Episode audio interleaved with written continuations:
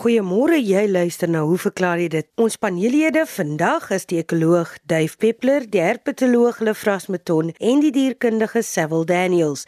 Hierdie drie was gaaf genoeg om hul opnames tuis te doen en aan te stuur. Ons onderwerpe vandag: Hoekom lê alle voëls eiers en waarom is daar geen voëlsoorte wat lewendparend is nie? Hoekom sien ons byna geen dooie voëls soos byvoorbeeld langs 'n pad nie? Is dit eties korrek om voëls kos te gee en het jy geweet dat trekvoëls voordat hulle op hul jaarlikse migrasievlug vertrek, aansienlike vetreserwes opbou, selfs tot 50% van hul normale liggaamsmassa en ja, hulle vlieg dan steeds met gemak oor lang afstande. Maar genoeg van my, Dave Peppler is reg om met jou te gesels. Goeiedag Heidi, goeiedag my kollegas en luisteraars. In hierdie dae van corona werk ons van die huis af en ek groet u uit my eie studeerkamer. En juist daarom het ek 'n probleem. Ek het nie al my notas by my nie, ook nie al die briewe nie, maar ek het wel antwoorde. En hierdie ehm um, bydra is dan korter antwoorde. Ons het 'n brief ontvang in 'n stadium van iemand wat gevra het: "Waarom sien ons so min dooie voëls? Hoekom sien mens nooit voëls wat dood lê langs 'n pad byvoorbeeld nie?" Nou ja, die beroemde voelkundige roofvoelkundige Leslie Brown het altyd gesê dat indien jy 'n voël wil dood sien, moet jy hom skiet of oor hom ry, krappender gewys natuurlik. Maar ek weet self dat as jy in Namibië ry en dis 'n goeie grasjaar en die vaalstreepkoppies, die lark-like buntings vlieg dan oor die pad en ek het in 'n 100 km maklik 30, 40 van hulle het in my motor vasgevlieg Mens vind dit ook met die gewone fret, uh die pied mannequin en ook met rooibek quellias dat hulle in motors vasvlieg. Nou wat gebeur dan indien 'n voël sou vrek? Die eerste ding wat gebeur is netlik mure pak hom oombliklik en dis verstommend hoe vinnig mure so voel kan uitmekaar haal dat dan net hoe op die vere oorbly wat dan deur die wind weggewaai word. En natuurlik ook bakterieë en insekte in Amerika is daar bekende kewers wat ehm um, voels letterlik begrawe en dan onder die grond opvreet. Nou ja, voels het dun velletjies, hulle het min vet en hulle bene is natuurlik baie lig, dis vol lugspasies dat hulle kan vlieg.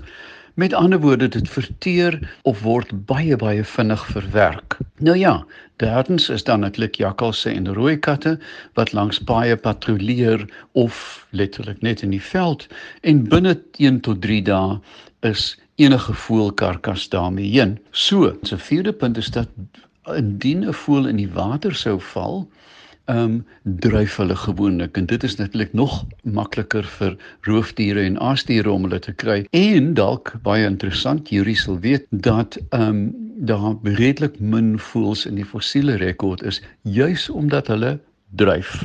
So, daar is natuurlik ook uile langs ons paaie en uh, hulle sal ook dan 'n vars karkas van voëls vreet. So, hier is dan dalk 'n uh, uh, vinnige verklaring hoekom ons so min voëls sien wat gevrek het. Hulle word eenvoudig vinnig verwerk. Met ander woorde, hulle is in die natuur se se oogpunt volledig herwinbaar en dis hoekom mense so min van hulle sien. Dan was daar 'n vraag oor of ons gevoels met kaas gee in die tuin uh en saaitjies ensovoorts. Dis 'n ewige vraag by hoe verklaar jy dit? Is dit eties korrek om voels kos te gee? Wat gebeur as jy met vakansie gaan um ensovoorts dat die voeltjies nou daar gaan uitgehonger sit? So, uh miskien gaan luisteraars my vergewe as ek net vinnig herhaal. Baie jare gelede het ek um in die teekamer gesit by ons fakulteit, venster uitgekyk en daar was 'n kroonden, Venus pinea voor die uh teekamer en natuurlik as jy in die Kaap woon, dan weet jy dat ons praat van dennepitte of in die volksmond danepitjies. Nou ja, kinders uh het toe ek jonk was die pypies opgetel, dit dan oopgekap en dan die heerlikste kerne gebruik om net daar te eet.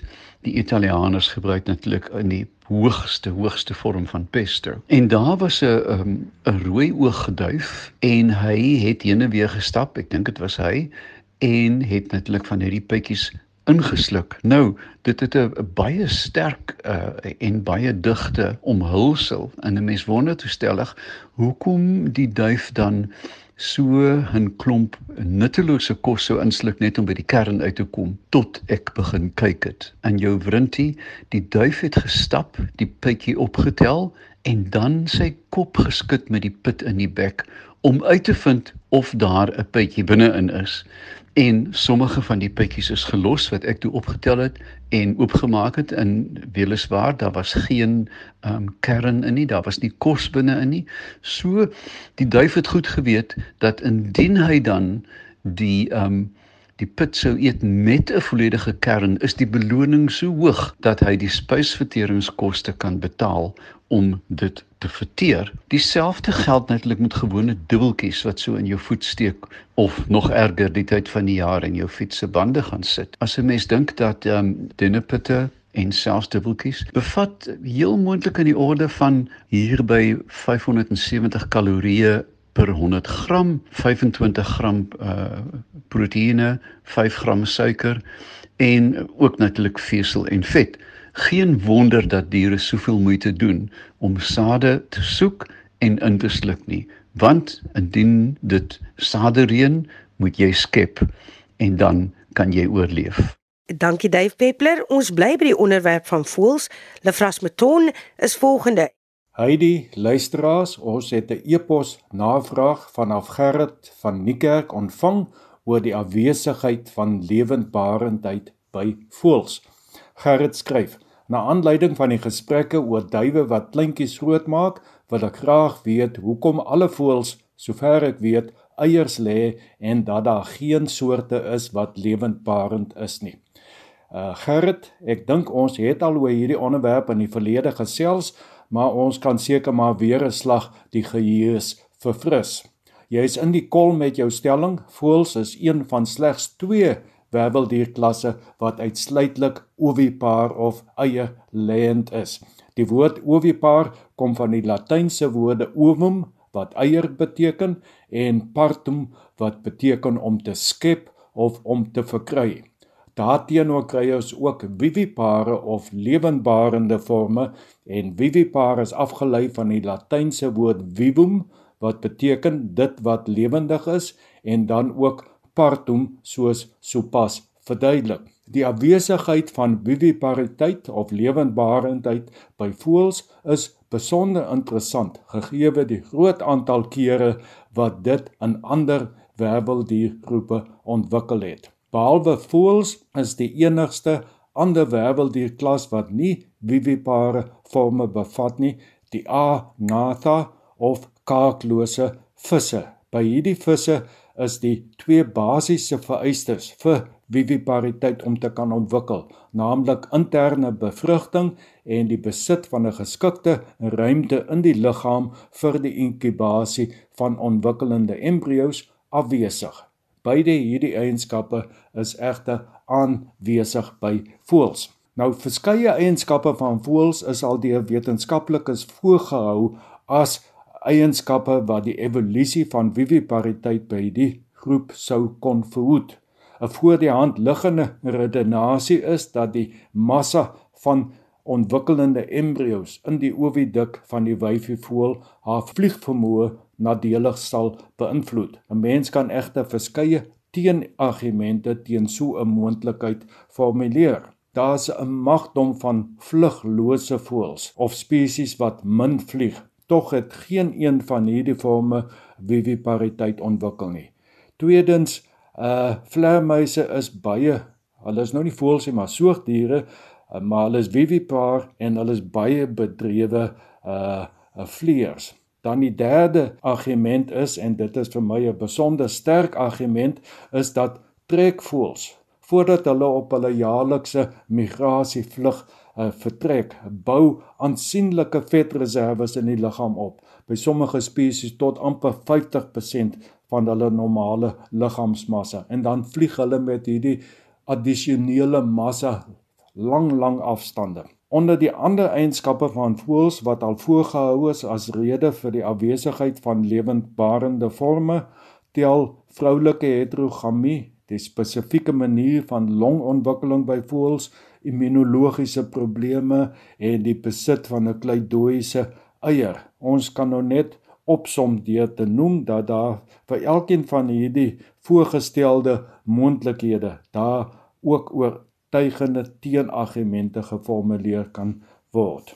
Kom ons kyk nou 'n bietjie uit 'n ander hoek na die probleem en dan spesifiek na hoe die ontwikkeling van vivipariteit vanaf 'n oorspronklik ovipare beginpunt sou verloop. Dit is tog van selfsprekend dat die eerste stap in die evolusie van vivipariteit die retensie of terughouding van eiers in die oviduk van die wyfie sal wees. Vir oor evolusionêre tyd nou 'n geleidelik langer wordende uh, periode. Uiteindelik sal die eiers so lank teruggehou word dat hulle as ware binne die oviduk van die wyfie sal uitbroei met die uitbroei nou in aanhalingstekens. Uh die wyfie sal dan aan hierdie verontwikkelende embrio's sonder 'n dop omhulsel geboorte gee. By reptiele is daar oorweldigende getuienis dat eierretensie en die ontstaan van vivipariteit meestal aan koue klimate gekoppel kan word. Wyfies wat eiers terughou, kan deur hulle gedrag byvoorbeeld om meer in die son te bak, die ontwikkeling van die eiers aansienlik versnel. Ons moet onthou dat reptiele is ektotermies of koudbloedig en uh, dat daar sal dus in koue omgewings die gevaar bestaan dat eiers nadat hulle gelê is baie stadig sal ontwikkel of dalk glad nie. Uh so daar is 'n werklike voordeel in koue omgewings om die eiers terug te hou en vir vivipariteit om te ontwikkel. Voëls aan die ander kant is egter endotermies of warmbloedig en uit 'n temperatuurreguleringsoogpunt is daar geen nodigheid om die eiers terug te hou nie. Deur op die eiers te broei word die temperatuur van die eiers noukeurig beheer, naamlik uh, die temperatuur van die ouer wat so ongeveer uh, 40 grade Celsius kan wees. Dit is moeilik om te sien dat daar ooit die nodigheid sou ontstaan het om eiers terug te hou, selfs nie in die koudste klimate nie. 'n Belangrike nadeel wat eierretensie en die uiteindelike ontwikkeling van vivipariteit vir voëls sou inhou, is dat die bydrae wat mannetjies maak tot die grootmaak van die kuikens verlore sou kon gaan. As die wyfie vir 'n lang periode met ontwikkelende embrio's aan haar lyf rondbeweeg, kan mannetjies sy belangstelling verloor deur so gou as moontlik die eiers te lê. Uh, soos wat ons by voëls skryf word mannetjies by die broeiproses betrek en die mannetjies se bydrae is veral belangrik by vlugvoëls want vlug is energeties duur. Dis gerrit om op te som omdat voëls warmbloedig is sou daar nooit enige nodigheid vir die evolusie van vivipariteit by voëls gewees het nie. Ek weet sommige luisteraars gaan nou dadelik vra, maar wat dan van soogdiere? Hulle is tog ook warmbloedig, maar met die uitsondering van enkele primitiewe forme wat eierlêend is, is hulle almal lewendbarend. So hoe werk dit? Maar dit is 'n gesprek vir 'n ander dag. Baie dankie Lefras Meton. Jy's ingeskakel by RSG 100 tot 104 FM. Jy luister nou, hoe verklaar jy dit saam met my Heidi Miller? Ons paneellede vandag is die ekoloog Duif Peppler en die herpetoloog Lefras Meton. Daai twee het reeds gesels en nou gee ons oor aan die dierkundige Sewil Daniels. Hy neem leiersels oor om meer te gesels oor seekatte. Goeiemôre Heidi, goeiemôre paneellede, luisteraars. Ons het vanoggend um twee baie interessante vrae. Die eerste een is van John Mulder van Plettenberg Bay en hy skryf as volg: Waarom het 'n seekat 3 harte en hoe werk dit? Dan het hy ook 'n tweede vraag en dit lui soos volg: Is daar ander diere met meervoudige harte? Nou ek gaan nou eers die tweede gedeelte van die vraag beantwoord. Ja, daar is wel ander diergroepe waar daar 'n uh, veelvoudige harte is, slijmpalings byvoorbeeld.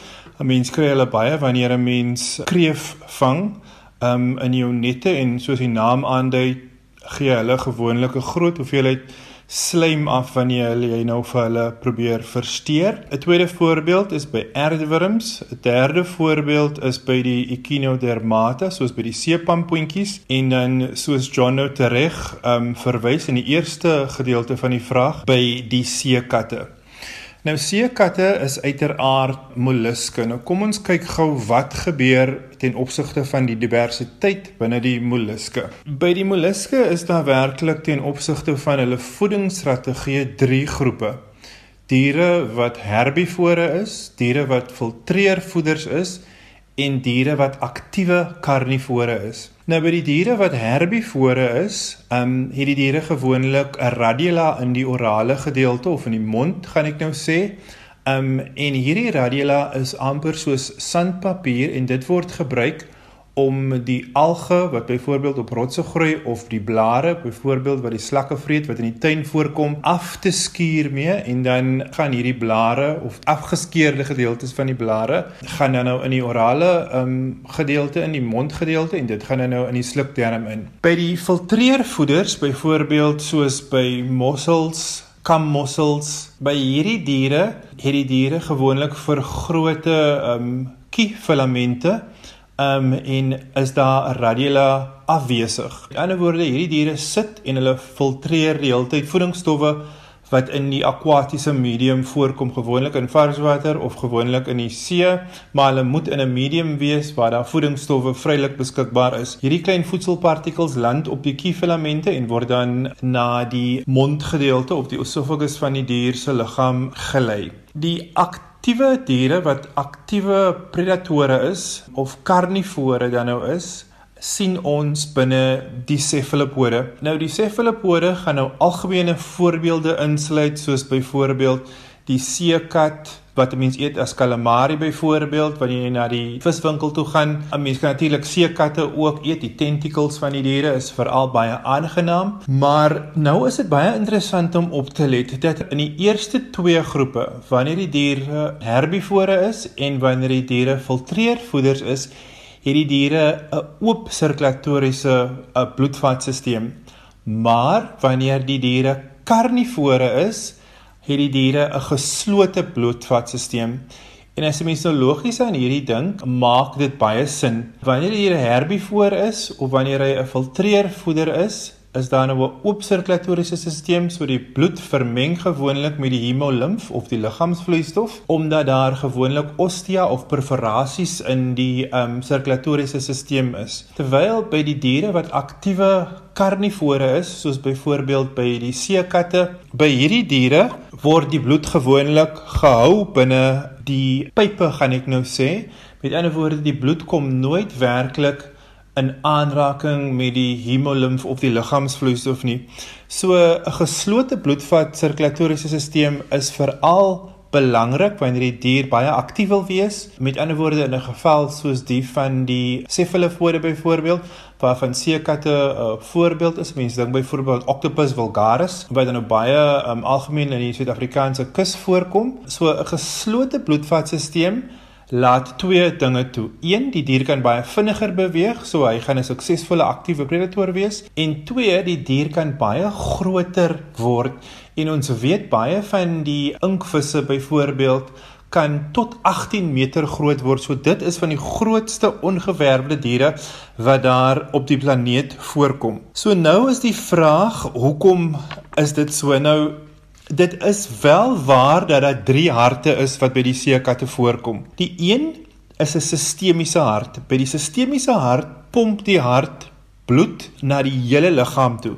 Maar dan is daar ook twee aparte harte wat ehm um, na die branchiale areas toe bloed pomp. Nou die branchiale areas is die key areas en hierdie areas bevat dan nou die tenidia of die key filamente soos 'n mens ook daarna kan verwys. So Uiteraard is hierdie 'n baie uh, wanneer die dier aktief word beweeg, is dit 'n baie energie vereisende proses, so die dier het baie suurstof nodig. Derhalwe is daar gewoonlik 3 harte wat voorkom by die octopus, soos byvoorbeeld by die gewone seekat. Maar ook interessant is by hierdie diere is daar 9 breine teenwoordig. Daar's gewoonlik een groot sentrale brein wat in die kop geleë is, gewoonlik tussen die oë maar ook elkeen van die 8 tentakels het gewoonlik 'n vergrote area waar 'n konsentrasie van ganglia is wat dan nou help om die spiersamentrekkings in die spesifieke area te beheer. OK, so ek hoop ek het nou die vraag beantwoord. Die volgende vraag is van Colette. Sy sê nou ongelukkig nie wat haar van is nie, maar sy is van Douglas in die Noord-Kaap en sy skryf soos volg. Sy sê sy kom gister na werk tuis en haar kat lê lekker en 'n oogie knip. Nou wil sy graag weet, sy het 'n muskiet gesien wat op die neus van die kat sit. Sy wonder, sou katte wat deur muskiete gebyt of gesteek word op die neus juk en sal dit opswel? Baie interessante vraag. Nou kom ons kyk gou na die neus by katte. Die renarium of die snoet wat by die kat voorkom is dan gewoonlik die haarlose gedeelte wat 'n mens nou aan die voorpunt sien wat nou net um direk bo die mond geleë is. En hierdie snoet of die weefsel wat die wat op die snoet voorkom bedek dan ook nou die neusgate of die nasale ingange by die meeste soogdiere uiteraard. Die hooffunksie by die neus, weet ons nou, is dat dit 'n chemosensoriese orgaan is. Met ander woorde, dit tel chemiese prikkelings van die omgewing op en dit stuur dan hierdie seine na die sentrale senuweestelsel toe in die kop waar die seine nou geïnterpreteer kan word. Nou in die literatuur sê dit dat by katte is die neus 'n redelike leeragtige stuk weefsel. Ons praat nou spesifiek van die buitekant en Dit is ook baie interessant om op te let dat die kleur van die snoet of die renarium, die buitenste gedeelte, varieer gewoonlik met die genotipe van die dier. Wit katte byvoorbeeld het pink neuse, swart katte het gewoonlik swart neuse en bruin katte het gewoonlik bruin neuse.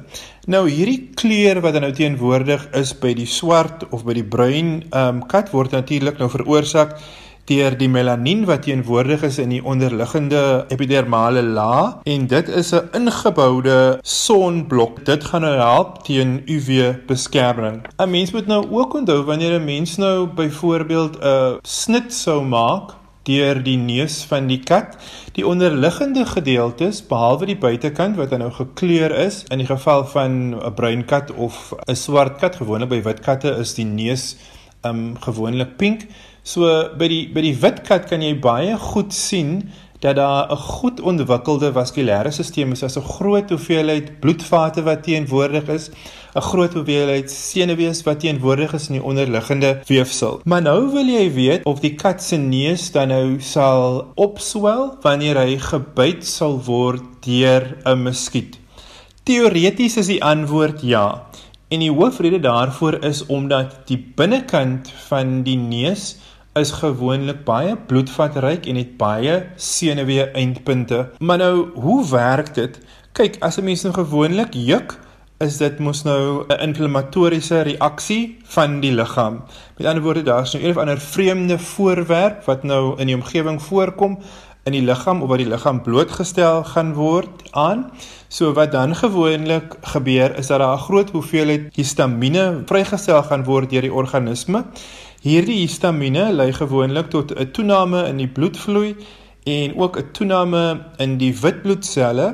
En as 'n mens logies hieraan dink, is hierdie twee laasgenoemde faktore verantwoordelik gewoonlik vir die rooi wat 'n mens sien of die feit dat die weefsel waar die dier nou gebyt gaan word redelik opgeswel kan raak. Maar dit is ook belangrik want hierdie twee meganismes, die toename in bloedvloei en die toename in die wit bloedselle, gaan dan nou help om die dier se liggaam te probeer beskerm teen die stelet wat dan nou die buitende mondgedeelte van die um, muskiet sou wees. So teoreties is dit moontlik dat die dier dieselfde soort reaksie sal hê as wat 'n mens dan nou by ander soogdiere sou sien, soos byvoorbeeld by die mens. So ek hoop Colette dat ek daarom nou jou vraag beantwoord het. Dit dan ons program vir vandag. Dankie aan Sewil Daniels, Lefras Meton en Dave Peppler vir hul opnames wat hulle vir ons tuis gemaak het. Baie dankie. Onthou julle kan hierdie program gaan aflaai by www.rsg.co.za klik op potgooi en jy kan ook skryf aan ons by hoe verklaar jy dit posbus 2551 Kaapstad 8000 of jy stuur 'n e-pos na Heidi by rsg.co.za. H A I D E E.